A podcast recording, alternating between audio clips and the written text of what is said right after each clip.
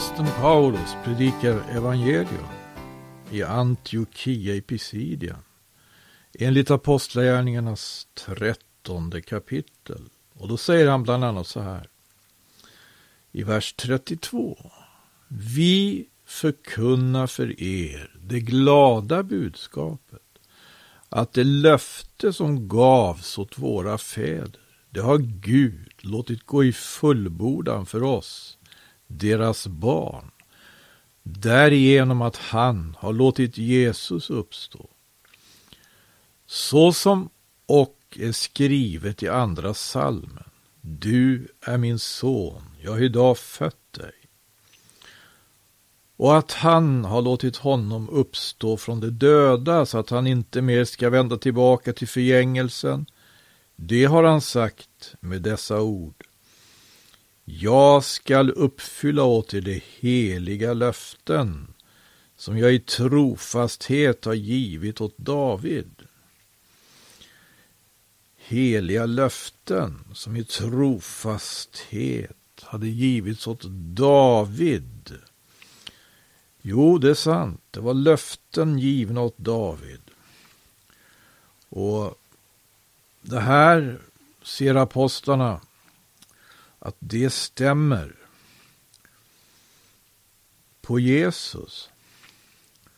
Så Jesus Kristus skulle ju kunna vara lite mer entusiastisk då över släktskapet med David än vad som kommer till uttryck i Matteusevangeliet. Det står där när Herren och hans lärjungar hade kommit till Jerusalem den sista påsken innan korset. Att vid ett tillfälle, det här är i kapitel 22 i Matteus evangelium och i vers 41, då fariseerna var församlade. Fariseerna var församlade. Då frågade Jesus dem och sa, vad menar ni om Messias? Vems son är han? Det svarade honom, Davids. De skriftlärde var väldigt klara på den punkten, mycket klara. Märkligt hur klara de var ibland då. Det är samma sak när de kom från Österns länder i början av Matteusevangeliet och hade sett en stjärna och följde stjärnan som vägledde dem till Judaland. Och konung Herodes samlade de skriftlärde. Det här kan vi läsa i samma evangeliums andra kapitel, i vers 4. Han församlade alla överstepräster och skriftlärde bland folket och frågade dem var Messias skulle födas. Det svarade honom i Betlehem i Juda, för det står så i Markus profetia, i Markus profetia, ja, i kapitel 5 i Markus, i Ma Mika, förlåt mig, i Mikas bok, det femte kapitlets andra vers, står det om Betlehem, där Messias ska födas. Och här var fariseerna som också hade skriftlärda ibland sig väldigt klara också på den punkten. När Jesus frågade dem om Messias och vems son han är. Davids. Då sa Herren till dem, hur kan då David genom andingivelse kalla honom Herre? Han säger ju, Herren sa till min Herre, sätt dig på min högra sida till dess jag har lagt dina fiender dig under dina fötter. Om nu David kallar honom herre, hur kan han då vara hans son? Och ingen förmådde svara honom ett ord. Ej heller drista sig någon från den dagen att vidare ställa någon fråga på honom. Det var en förklaring här som de tydligen hajade till inför. Jag vet inte om det här är ett sätt att uttrycka respekt då, att de inte förmådde svara honom. Eller om de bara var sammanbitna. när Herren på det här sättet förklarar den 110 salmen. Flera salmer som citeras här. Som David sjöng och nedtecknade. Han som var inspirerad genom Guds ande. Han fick de här löftena och de här förutsägelserna om Messias. Messias, Guds moder, vems son var han? Davids. Men hur, frågar Jesus, hur kan då David genom andegivelse kalla honom Herre? Mm. Om han kallar honom Herre i vers 45, hur kan han då vara hans son? Vilken eh, sida här kan vara värt att lite mer fundera på. Jesus kanske på ett sätt reservera sig för det davidiska, om vi säger så, det, det davidiska messiasidealet. David var ju själv Guds moder. Saul, konung Saul före honom var Guds moder. Och det är faktiskt så att mellan konung Saul och konung David så var ju en lång strid om just det här. Att bli eller vara konung i Israel. Som alltså kallades för Guds smorde.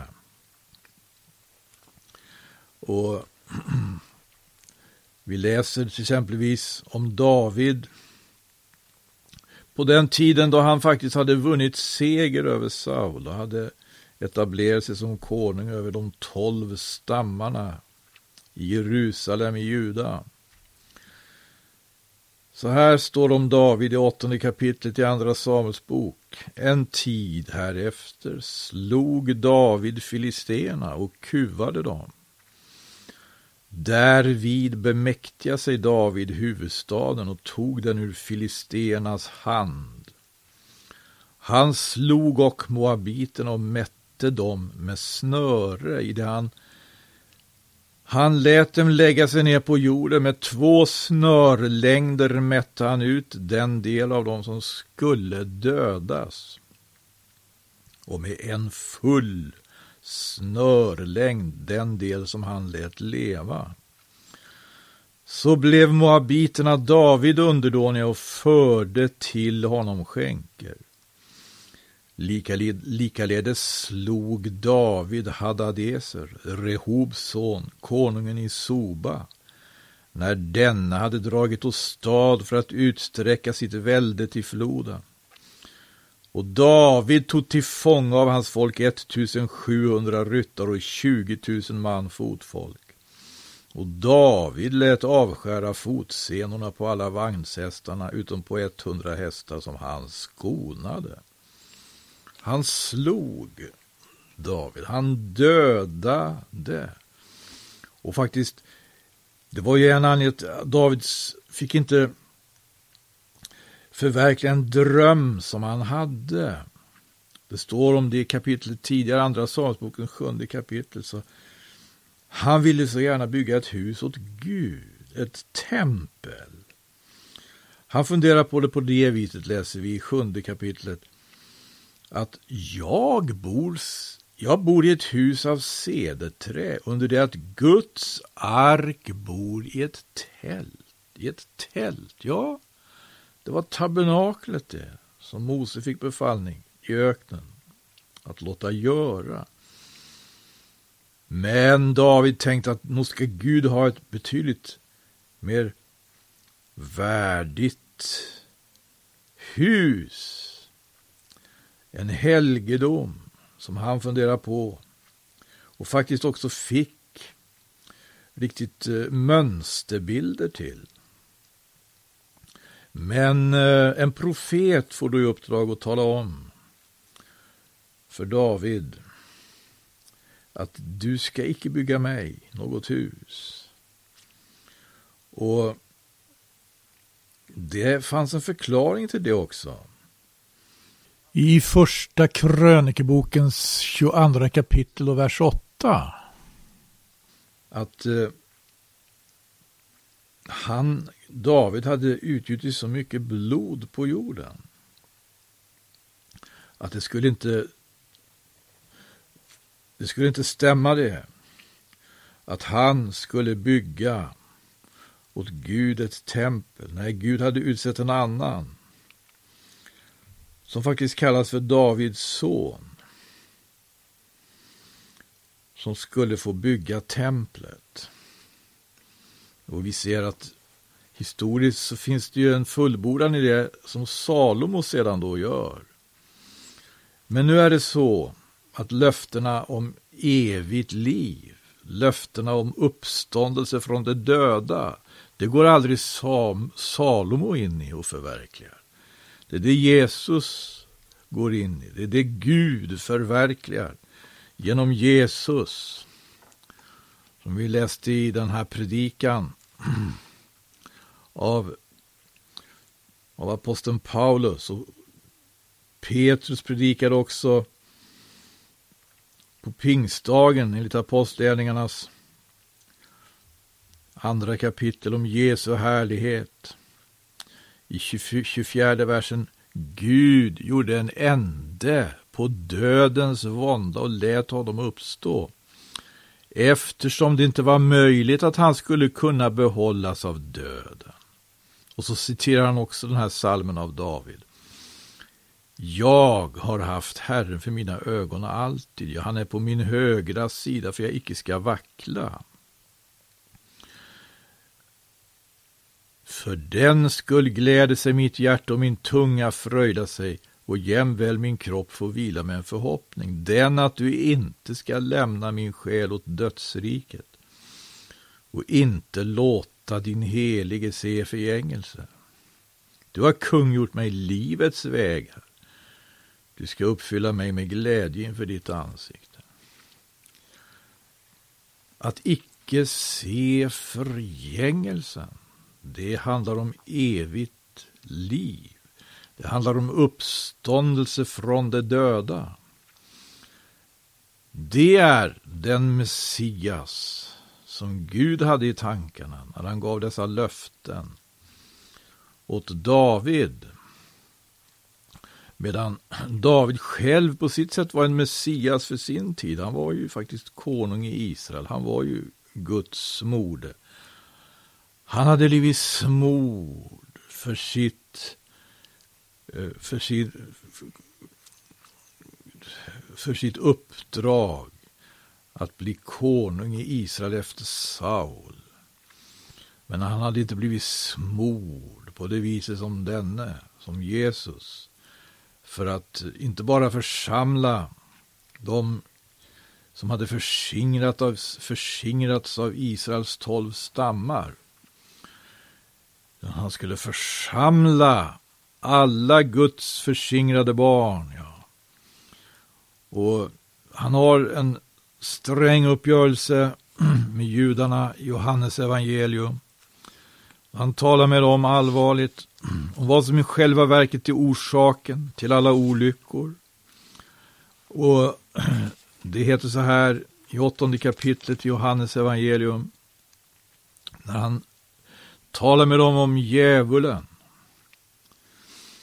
Om djävulen och hans gärningar, vem han är. Han säger han, står det i Johannes evangelius 8 kapitel 44 vers.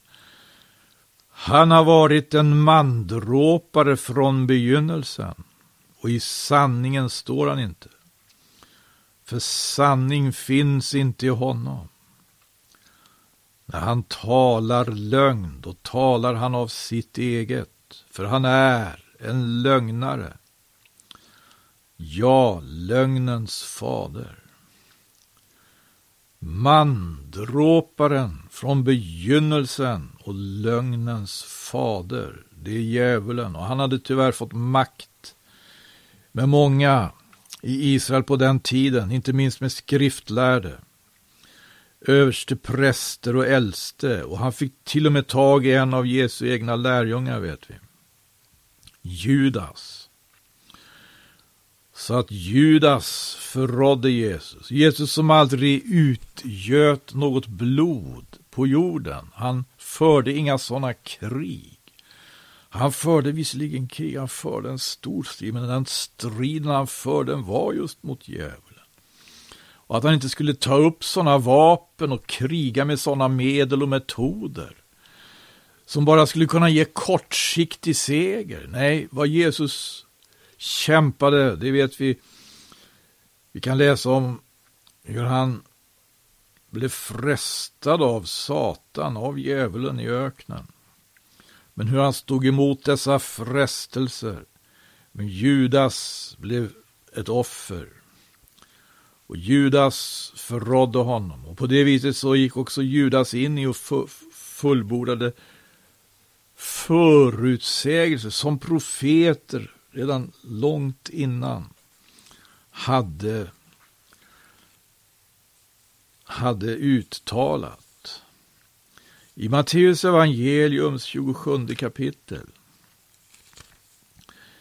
efter att Judas hade kommit överens med överste prästerna och de äldste och om att lämna, om att eh, peka ut var någonstans Jesus befann sig. På det sättet alltså förrådde han honom. Och det heter då så här, i, exempel, i Matteus 27 kapitel. När Jesus blivit gripen i Getsemane örtagård. Det heter i andra versen där, det lät binda honom. Förde bort honom och överlämnade honom åt Pilatus, landshövdingen. När då Judas, som hade förrått honom, såg att han var dömd ångrade han sig och bar de trettio silverpenningarna tillbaka till överste prästen och de äldste och sa, jag har syndat därigenom att jag har förrått oskyldigt blod. Men de svarade, vad kommer det oss vid? Du får själv svara därför. Då kastade han silverpenningarna i templet och gick sin väg. Sen gick han bort och hängde sig.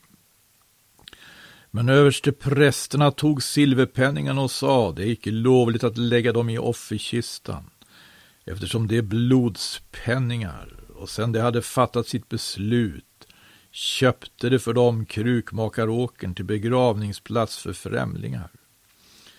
Därför kallas den åkern ännu idag blodsåken. Så fullbordades det som var sagt genom profeten som sa Jag tog det tretton 90 silverpenningarna priset för den man, vilkens värde hade blivit bestämt den som israelitiska män hade värderat.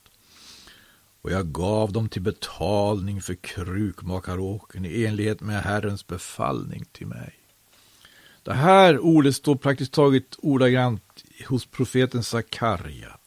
Inte hos Jeremias och Matteus här, Eh, skriver. Kanske har det stått en gång hos Jeremia och försvunnit av någon anledning. Eller så vet jag inte vad det är som gör att det står att Jeremia har sagt det. Men det står att i, i helt klart i Sakarja. Där vi kan läsa om herden för slaktfåren i Sakarjas elfte kapitel. Herden för, och hur profeten Sakarja får liksom ikläda sig rollen. Och hur han får bryta staven, eller han får bryta två stavar. Över, eh, över dem som Gud har utvalt. Det får som han skulle vaka över. Här är en profetia som är värd att fundera på, verkligen. Men det var just det här ordet vi läser i, i det elfte kapitlet, kapitlet hos Sakarja. Profeten som iklädde sig rollen som herden för slaktfåren. Står det, han säger så här. Till de får som häpet stirrar på honom när han bryter staven över dem. Om ni, om ni så finner för gott, så ge mig min lön. Varom inte så må det så vara.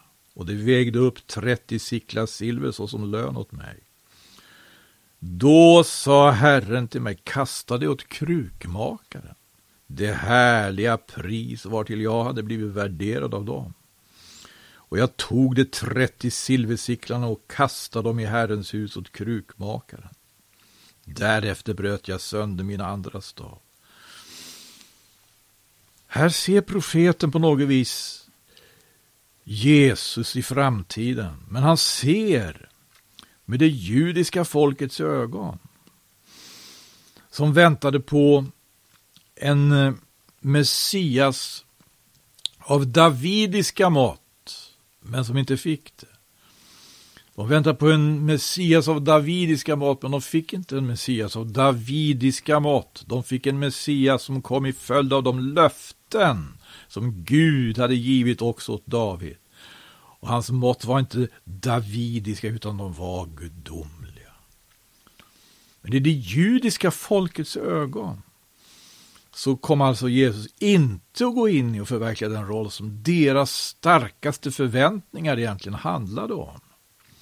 Och vi vet att det här har att göra med det oerhörda, gudomliga frälsningsrådslutet. Att budskapet om, om, om nåd skulle gå ut i hela världen. Och det väldiga, den väldiga kamp som Jesus kämpar, inte med svärdet av stål, utan med andens svärd, det fullbordas då han han tar inte upp några sådana vapen som David en gång hade använt sig av. Han överlämnar sig istället, som det heter, Människosonen, sa han, han förutsade det när han talade med sina lärjungar. Människosonen ska bli överlämnad i syndiga människors händer. Därför han skulle utkämpa en större kamp, en större strid. Han skulle vinna en större seger, den seger som han kallar sina efterföljare att gå in i sju sändebrev.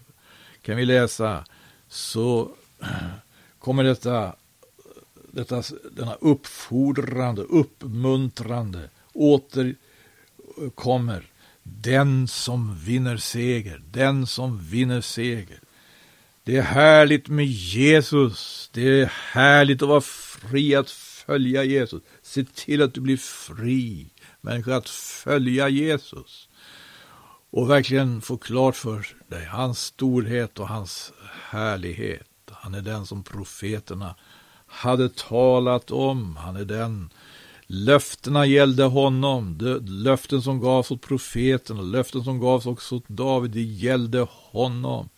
Löftena om frälsning, löftena som gavs, som gällde den helige ande, de gäller alltjämt. Löftena som handlar om hans andra tillkommelse i härlighet, de gäller alltjämt. Gud välsigne dig, lyssnare, att ta vara på det. Amen.